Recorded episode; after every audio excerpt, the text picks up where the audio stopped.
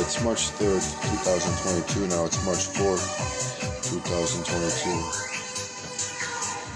Just wanted to say that we will be doing the baptism of the Lord at the arrival of a new friend here. A new friend. And uh, we will do the baptism of the Lord. Arrival between Wednesday and Thursday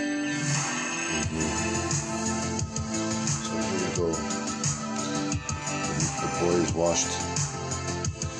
Boy is washed very quietly. Sleeping already.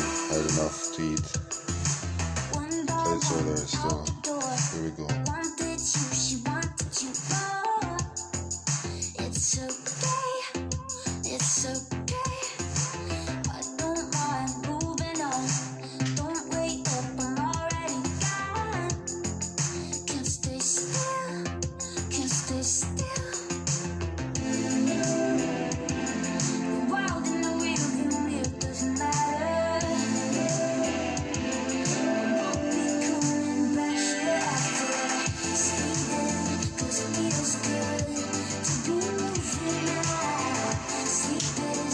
Has been baptized in the name of the Lord.